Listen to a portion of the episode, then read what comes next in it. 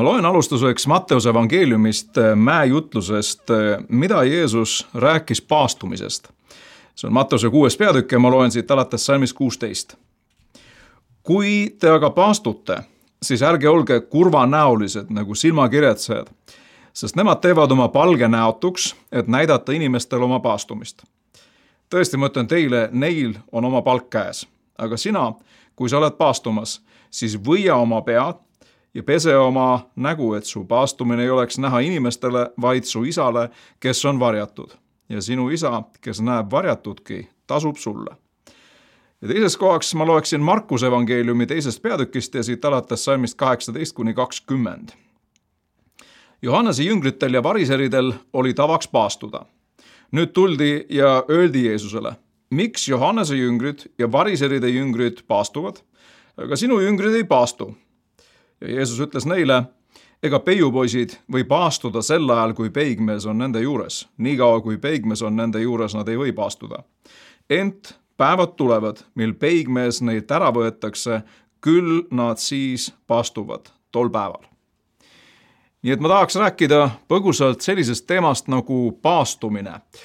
mida see endast kujutab, kindlasti see on selline lühiformaadis kokkuvõte, ma ei saa rääkida täispikka versiooni Vanast Testamendist eraldi, Uuest Testamendist eraldi, ma räägin pigem sellest, mismoodi see meid kui Uue Testamendi ajastu usklikke puudutab ja mis sellest üleüldse kasu on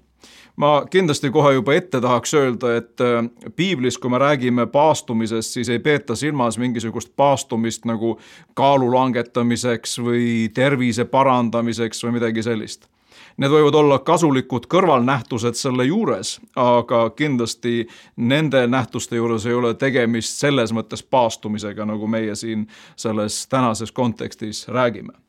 mida nendest kohtadest siis mõelda, kui Jeesus räägib paastumisest ja ütleb, et kui teie paastute, siis kui teie paastute, mitte juhul, kui te arvate heaks, et millalgi võiks, vaid siis, kui te paastute, paastuge vot nii ja nii ja nii. õigete motiividega, see on ta asja mõte siin ja ta ütleb huvitavalt, et siis, kui sa paastud õigete motiividega, siis salmis kaheksateist ta ütleb, et isa, kes näeb varjatut, näeb seda, mismoodi sina paastud näiteks. Siis ta ütleb, et äh, isa tasub sulle et Jeesus näib arvavat, et paastumisest on kasu, et Jumal, meie isa taevas, tasub meile, kui me teeme seda õigete motiividega. ja ma täna räägiksingi sellest, et mis sellest siis lõppude lõpuks kasu on, sest äh, ma olen tähele pannud, et ikkagi inimesed järjepidevalt või püsivalt teevad neid asju, millest nad näevad olevat kasu kui tundub, et tegevus ei too mingit tulemust, siis tõenäoliselt suurem osa inimestest selle asja varem või hiljem ära lõpetab teises kohas, äh, mida ma lugesin Markuse teisest peatükist, esitatakse Jeesusele selline etteheide, et, et miks on nii, et variseride jüngrid paastuvad, Johannese jüngrid paastuvad, sinu omad ei paastu. ja Jeesus ütleb, et praegu pole see aeg, praegu on peigmees nende juures, ei ole see aeg seda teha, aga ta ütleb, et äh, saabuvad päevad, kui peigmees neilt ära võetakse, siis nad paastuvad. loomulikult Jeesus räägib äh, oma surmast äh, ülestõusmisest ja taevasse minekust ja ta ütleb lausa sellises kindlas kõneviisis, et siis minu jüngrid paastuvad ehk siis Jeesus eeldas, et paastumine kuulub loomuliku usuelu juurde täpselt samamoodi nagu pühakirja lugemine, täpselt samamoodi nagu palvetamine või koguduses käimine või koguduses kaasa teenimine. Jeesus eeldas, et tema õpilased seda tegema peaksid vanades kirikutes on see lahendatud omamoodi, seal on reeglina paika pandud kirikukalendris kindlad paastupäevad. No näiteks kui me võtame ortodoksi kiriku ehk siis õigeusu kiriku, Eestis äh, muuseas kõige suurem kirik, kui aastasadu võis öelda, et Eesti on luterlik maa, siis praeguse rahvaküsitluse järgi õigeusklikke ehk ortodokse on märkimisväärselt rohkem kui luterlasi või ükskõik mis teisi kristlasi. Õigeusu kirikus on see paika pandud nii, et on tarvis enne ülestõusmispüha pidada suurt paastus, on siis nelikümmend päeva suur paast, kus tuleb loobuda kõigist lihatoodetest, tuleb loobuda kõigist piimatoodetest, õlist, veinist, ühesõnaga see on see, mida siis nimetatakse suureks paastuks. Vene õigeusu kirikus näiteks on kalendris kokku kakssada päeva, kolmesaja kuuekümne viiest päevast aastas, kakssada päeva, kus peaks pidama paastu see ei ole loomulikult täispaast selles mõttes, et inimesed ainult jooksid vett ja mitte midagi ei sööks. on hulk asju, mida tohib, näiteks tohib köögivilju, puuvilju tohib, kala tohib tarvitada ja muid asju veel, aga ütleme, et sellist nii-öelda tahket toitu nendel päevadel ei tohi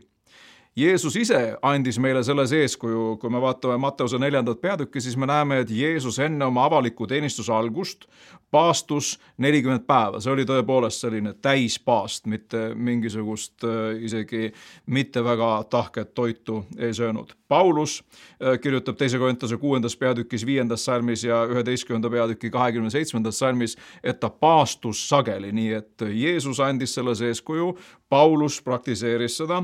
aga huvitav on see, et Uues Testamendis ei ole konkreetselt kusagil määratletud seda, et äh, kuidas kui pikalt või millist paastu peaks pidama. meil on terve hulk korraldusi näiteks palvetamise kohta. palvetamise kohta esiteks öeldakse, et seda tegema peaks, öeldakse, et palvetage lakkamata ja öeldakse, et tehke eestpalveid teiste inimeste eest siis, nii et palvetamise kohta on meil hulgaliselt, äh, võib öelda, käske paastumise kohta mitte ühte ainsat, meil ei ole ühte konkreetset reeglit, millal peaks paastuma, näiteks kas kiriku kalendri järgi või vabalt valitud päevadel, ei ole konkreetselt öeldud, kuidas peaks paastuma. Et kas see peaks olema veepaast või siis võiks äkki olla umbes nii nagu seesama suur paast näiteks ortodoksi kirikus. nii et millal, kuidas või kui pikalt ka selles osas ei ole meil konkreetset käske antud, aga Uues Testamendis on antud hulgaliselt eeskujusid ja nendest ma täna siin rääkida tahaksingi, nii-öelda eeskuju, millest me võiksime õppida. mis siin vahe on? vahe on tegelikult väga lihtne. kui on käsk, et siis ja siis, nii ja nii, siis see ei kuulu arutamisele, siis võib öelda, et kui jumal käskis, et peab näiteks iga kristlane peab paluma nii ja nii palju ja paastuma nii ja nii palju ma mäletan kunagi, ma läksin vaidlema ühe mehega, kes väitis, et äh, kuna Jeesus paastus nelikümmend päeva täispaast, ainult vett jõi, et siis iga kristlane peaks ilmtingimata ja absoluutselt paastuma samamoodi. nelikümmend päeva täielik veepaast ma ütlesin, et kui see oleks nõnda, siis huvitaval kombel me ei näe mitte kusagil Jeesuse apostleid seda tegemas, me ei näe mitte kusagil üldse mitte kedagi teist Uues Testamendis seda tegemas, me ei näe mitte ühte kohta, kus Jeesus oleks seda teinud näiteks korduvalt ühe korra elus, rohkem me kusagilt sellest mitte midagi ei loe, me loeme lühematest paastudest. Paulus näiteks öeldakse, et kui ta nii-öelda apostel Pauluseks sai Tarsuse Saulusest, pöördus, siis öeldakse, et ta ei söönud ega joonud kolm ööpäeva. Seda muidugi ma tahan täpsustada, et kindlasti, kui me räägime paastumisest, siis vedelikku piirama ei peaks. Äh, ma ei ole iial sellist paastu pidanud, ma olen oma elus üsna palju paastunud, aga sellist paastu, et, et ma näiteks loobuks nii söögist kui joogist, ma arvan, et see on tervisele ohtlik ja kahjulik ja seda ma kindlasti ei soovita. nii et isegi, kui keegi teist on otsustanud, et ta peab täispaastu, üldse mitte midagi ei söö, siis äh, vedeliku kogust kindlasti piirama ei peaks, vett peab jooma või siis mingisuguseid vedelikke nii et siis otsest reeglit ei ole, millal, kuidas või kui pikalt, aga on hulk eeskujusid. Äh, variseride puhul me näeme, et oli paika pandud selgelt kaks päeva nädalas, esmaspäeval ja neljapäeval pidi paastuma, aga Jeesus kritiseerib nende paastumist korduvalt, ta ütleb, et see on muutunud, minu sõnastus küll, aga mõtet ei muuda sellega, et see on muutunud vaimuliku uhkuse kasvulavaks ma usun, et paljud teist äh, mäletavad seda lugu Luuka kaheksateistkümnendas peatükis, kus üks variser uhkustab palves Jumala ees, et ma tänan sind, et ma pole selline nagu see vend seal, see, see patune tölner seal, et mina paastun kaks korda nädalas ja kümnist annan kõigest, mis mul on ja nii edasi. Ja siis see patune tölner seal kõrval ütleb, et mul ei ole millegagi Jumala ees kiidelda, et ole mulle patusele armuline ja Jeesus ütleb, et see mees läks sealt paremini õigeks mõistetuna minema, nii et siis Jeesus mõistis ilmselgelt valede motiividega paastumise hukka valede motiividega paastumisest ei ole kasu, see on selge. aga õigete motiividega paastujale tõotab Jumal nii Vanas kui Uues Testamendis selget kasu. no näiteks äh, Jesaja raamatu viiekümne kaheksandas peatükis on terve rida tõotusi, kus ta ütleb, et kui sa paastud õigete motiividega ja käitud ka õigesti selle paastu ajal mitte ei ole selline kuri pahur egoist, kes kõigiga kärgib ja paugub, et, et minul on paast, ärge teie mind segage, siis ta ütleb, et, et Jumala auhiilgus tuleb su ellu, Jumala kosutus, värskendusajad tulevad ja nii edasi, see on saja viiekümne kaheksanda peatüki esimesed kümme salmi.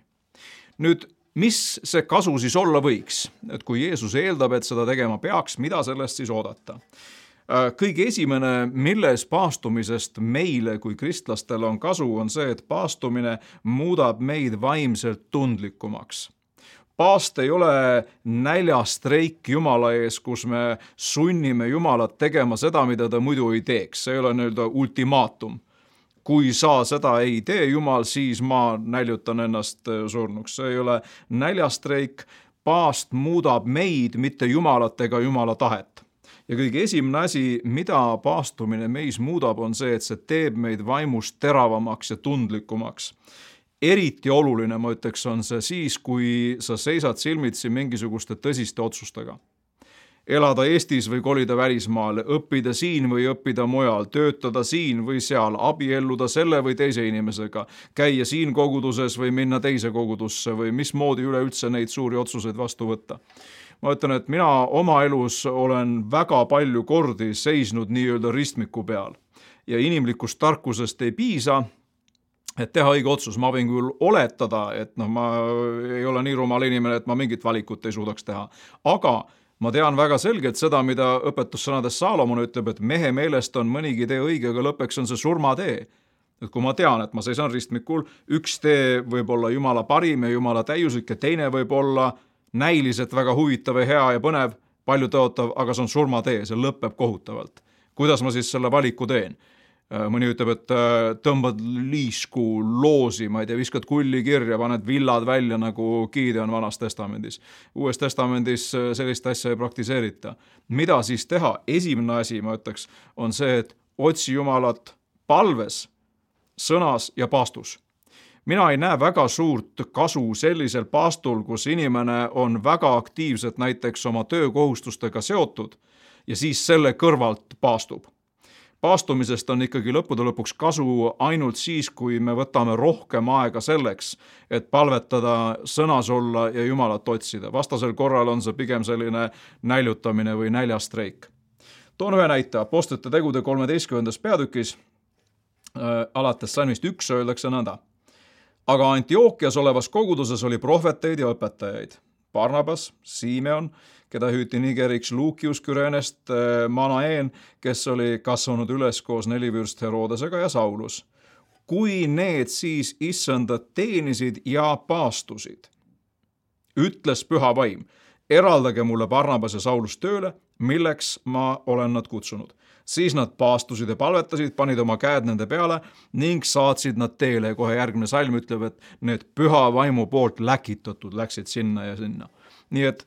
nad seisid põhimõtteliselt ristmikul. ilmselt mingisugune tunnetus siin oli, et,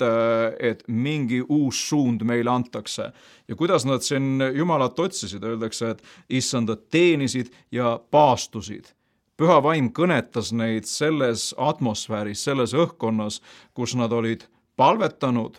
ülistanud ilmselt Jumalat ja paastunud. Ja isegi siis, kui püha vaim ütles tõenäoliselt kellegi suu kaudu, tõenäoliselt prohvetliku sõnumi läbi, et eraldage mulle need kaks meest teenistusse, milleks ma nad kutsunud olen, isegi siis pärast seda öeldakse, et nad paastusid, palvetasid ja siis läkitasid teele, nii et minu üleskutse väga praktiline on see, et alati enne, kui sa seisad äh, mingisuguse suure valiku või otsusega silmitsi, võta aeg maha. minul on äh, tavapraktika see, et näiteks äh, ma irdun täielikult tsivilisatsioonist, mu hea sõbramees elab Prangli saarel ja siis ma olen aastaid seda teinud, nii et, et ma lülitan terve välismaailma välja, lähen Pranglisse paastun kas siis terve selle aja seal või osa sellest ajast ja sisuliselt mitte midagi muud ma ei tee, ma loen piiblit, kuulan audiopiiblit, palvetan, paastun ja püüan nii-öelda oma antenniga seda signaali välja peilida, mida Jumal mulle praegu ütleb. Ja ma olen saanud, äh, ma ei kujuta ette, kui palju kordi konkreetseid juhiseid, detailseid asju, nüüd tee seda, nüüd tee seda, piiblikooli jaoks, ma ei oska kokku lugeda neid kordi, kus ma olen saanud sealt täpselt selliseid ideesid, mis on hiljem ellu rakendades toiminud äh, ülihästi. Ja ma ei saa öelda, et, et mina, Allan Kroll, olin nii tark, et mina mõtlesin välja ja tegin teoks, vaid ma saan öelda ainult seda, et, et mina, nii nagu siingi, teenisin issandat, otsisin Jumalat, palvetasin, paastusin ja anti ideed, anti mõtted, anti suunad kätte. nii et ära kindlasti usalda ühtegi mingisugust tunnetust või selgust sellistes suurtes asjades eriti, kui sa ei ole seda saanud püsivalt Jumala ees olles, palves, sõnas ja kindlasti ka paastus. kui Luuka kakskümmend üks, kolmkümmend neli ütleb meile, et liigsöömine teeb südame tuimaks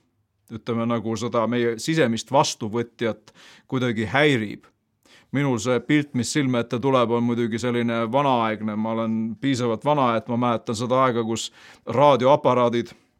olid sellised, et sa käsitsi kruttisid nii-öelda, otsisid need kanalid välja ja siis seal oli igasuguseid kummalisi helisid, mida sealt kostis ja siis ühel hetkel tundsid, et oi-oi-oi, nüüd ma olen selle kanali peale sattumas ja saad selle signaali kätte. minu jaoks paastumine, palvetamine ja Jumala otsimine selles kontekstis on midagi sarnast et kui ma võib-olla oma vastuvõtja sisse lülitan, siis ma saan ainult mingit kriginat ja vilinat sealt. ja siis ma hakkan keerama seda, oi nii, nüüd õrnalt tuleb signaal ja ühel hetkel saan selle signaali perfektselt kätte. liigsöömine teeb südame töntsiks, paastumine teeb südame tundlikuks. see on hästi oluline mõista, et kõik see, mis mõjutab meie ihu, mõjutab ka meie vaimu. ei ole sellist asja, et ma võin teha ükskõik mida oma ihuga ja see mu vaimu absoluutselt ei mõjuta. kõik see, mida ma teen oma ihuga, see mõjutab ka minu vaimu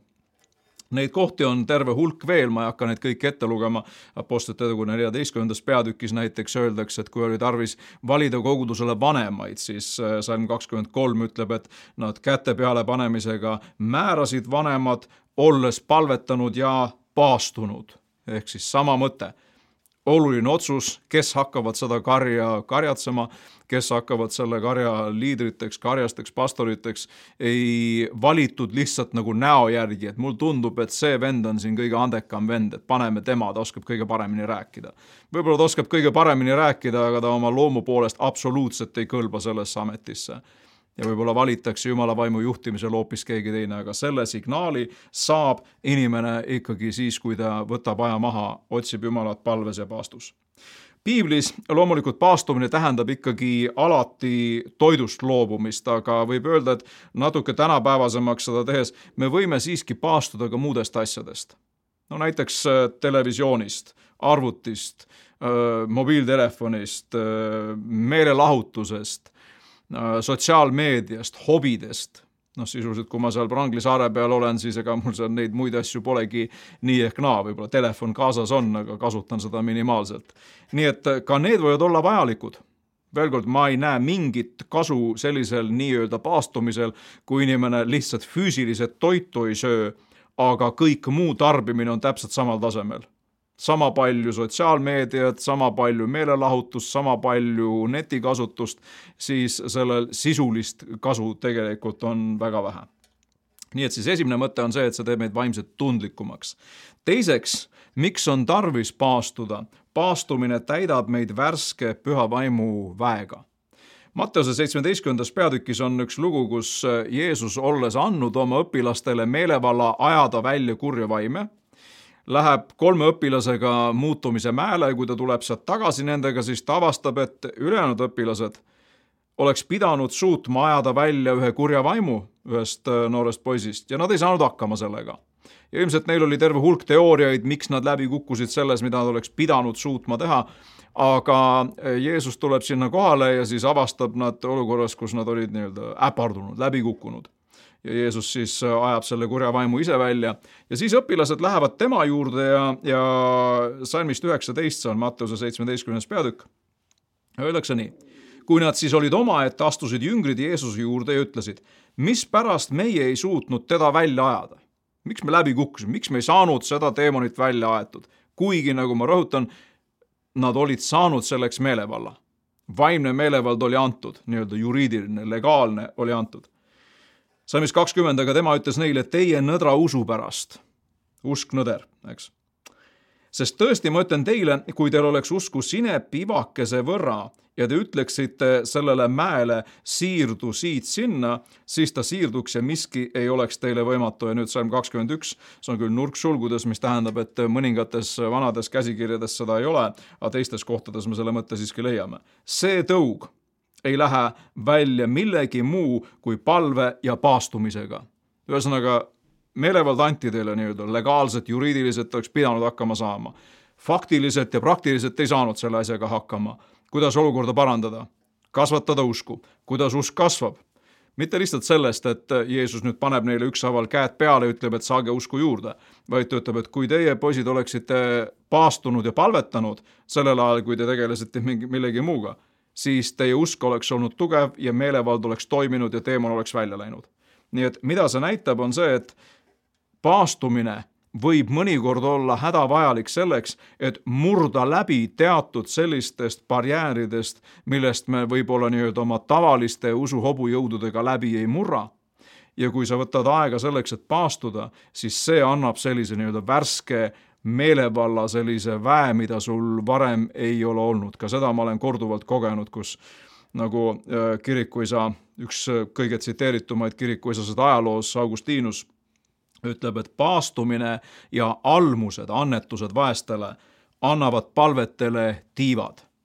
Me oleme muidugi harjunud, et Red Bull on see, mis tiivad annab, aga Augustinus arvas, et, et paastumine on üks neist asjadest, mis palvetele tiivad annab, ehk siis sa näed, et palvel on hoopis teine minek. Ja see, kes on praktiseerinud seda, võib kindlasti kinnitada, et palvel on hoopis teine minek siis, kui sa oled koos sellega paastunud. Minu selline praktiline soovitus on ka see, et et kui sa seisad mingisuguse tõsise valiku või otsuse ees ja sul on tarvis tarkust, siis sa võid alustada kas või sellest, et sa võtad mitu lühikest paastu ei pea alustama kindlasti neljakümnepäevasest, ei pea alustama isegi kolmepäevasest paastust. võib alustada näiteks sellest, et ma tean, et ma võtan õhtul äh, palveks aja maha ja ma jätan vahele õhtusöögi mina jälle oma kogemusest rääkides kui ma jutlustan kusagil ja seda tuleb üsna sageli ette, siis juba palju-palju aastaid on mul selline praktika, et peaaegu kunagi enne jutlust ma ei söö on mõned üksikud erandid, kui ma pean näiteks mitu jutlust pidama kusagil konverentsil, et võib-olla siis nende vahel võin endale lubada seda. aga reegel, mida ma olen aastaid praktiseerinud, on see, et, et kui näiteks pühapäeva hommikul ma pean jutlust, siis äh, hommikusööki ma ei söö ja ma näen, et see on see, mis samamoodi aitab. see aitab mul palju-palju teravam olla, palju tundlikum olla ja mul on äh, väga praktilisi kogemusi selles, et, et vanast ajast mäletan, kui läksin täiskõhuga kantslisse ja tundus, et nagu meel oli tönts ja, ja mõte oli kuidagi lukus ja siis lähed sellise lühikese paastu pealt, see ei olnud pikk, see ei olnud mingisugune kolm päeva või kaks päeva, vaid selline alla poolepäevane, siis on mõte palju teravam ja viimaseks, eh, mida siis sellest kasu võib saada, on see, et paastumine distsiplineerib meie liha ehk seda nii-öelda patust loomust ja tõstab vaimu troonile. esimese Korintus üheksa kakskümmend seitse ütleb Paulus, et ma löön oma ihu ja teen ta oma orjaks, et ma muile jutlustades ise ei muutuks väärituks. Ehk siis see patune loomus aeg-ajalt vajab distsiplineerimist see on nagu selline sõnakuulmatu koer, et, et sa lähed temaga välja jalutama ja siis alles avastad, et mitte mina ei jaluta temaga, vaid tema jalutab minuga. Läheb sinna, kuhu tema tahab. ja selleks, et seda sellist kangekaelset koera talitseda, või nii nagu püha Franciscus ütles oma selle lihaliku loomuse kohta, et vend eesel. et kui see vend eesel tahab teha asju, mida mina tegelikult tean, et ei peaks või ei tohiks või ei tahaks, siis paastumine on üks asi, mis aitab arendada seda enesekontrolli ja ka teistes valdkondades, kui sa õpid talitsema näiteks oma isusid, siis see mõjutab kõike muud ka. möödunud aastal piiblikoolis, Valgusõde piiblikoolis, meil oli teisel poolaastal iga kuu üks paastulaager sõitsime välja ELK Kose pastoraati ja siis olime seal reede õhtust kuni pühapäeva hommikuni paastus. ja ma nägin, kuidas paljud inimesed, kes ei olnud elu sees paastunud, ise tunnistasid, et esimest korda elus üllatasid iseennast, et vau, ma poleks uskunudki, et ma saan hakkama paastumise ajal võib-olla ei tunne inimene ennast kõige paremini, võib olla peavalu, võib olla väsimus, võib olla natukene sellist roidumuse tunnet, aga fakt on see, et kui sa jääd asja juurde ja ei lase sellel lihtsalt nii minna, et oi, mul pea valutab, ma nüüd lõpetan selle asja ära, siis need viljad, mida sa hakkad lõikama hiljem, on seda pingutust kahtlemata väärt. nii et siis paastumisest need mõningad mõtted, on erinevaid viise, nagu ma mainisin, kuidas seda praktiseerida. minu julgustus ja üleskutse on see, et kui sa ei ole varem paastunud, siis alusta võib-olla nendest lühikestest, jäta üks söögikord vahele ja siis võta õhtul näiteks aega, et palvetada rohkem või piiblit lugeda sa võid pidada osalist paastu, nagu Taanieli raamatu kümnes peatükk seda kirjeldab, et ta ütleb, et ma maiusrooga ja liha ei söönud, ehk siis selline osaline paast, hästi paljud seda praktiseerivad. Äh, pikkuse osas täpselt samamoodi, sa ei pea seadma endale mingeid ebarealistlikke eesmärke, alusta vähesest, saa see nii-öelda edukogemus kätte ja näe, mismoodi su vaim muutub tundlikumaks, sa hakkad saama Jumala vaimu käest infot teadmisi, et ma äkitselt tean, et ma tean, et ma tean, mida ma selles või teises olukorras tegema pean, on selline vägi palvetes, mida muidu võib-olla varem ei olnud ja palve murrab läbi.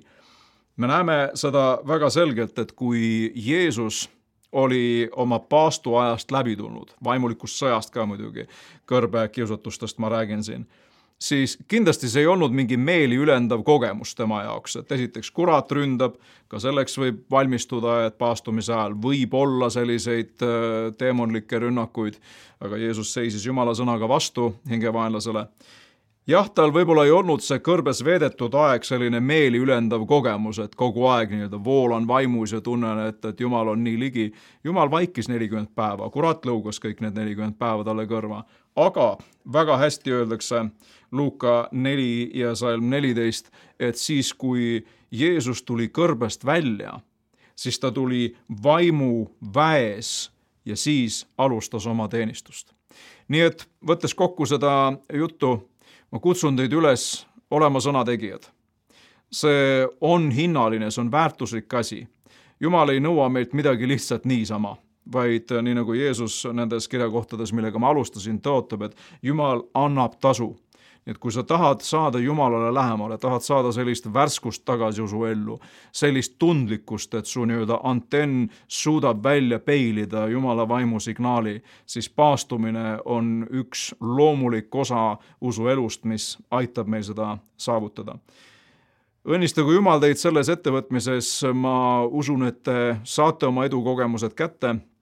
ja ma usun, et võib-olla aastaid hiljem vaatate tagasi ja näete, et nüüdseks on see praktika, mis minu jaoks võib-olla kunagi oli natukene võõras või veider või isegi fanaatiline tundus, see on saanud loomulikuks osaks mu usuelust ja ma teisiti seda ettegi ei kujutaks. nii et jumal õnnistagu teid ja loodan, et kui kunagi kohtume, siis mitte tööalaselt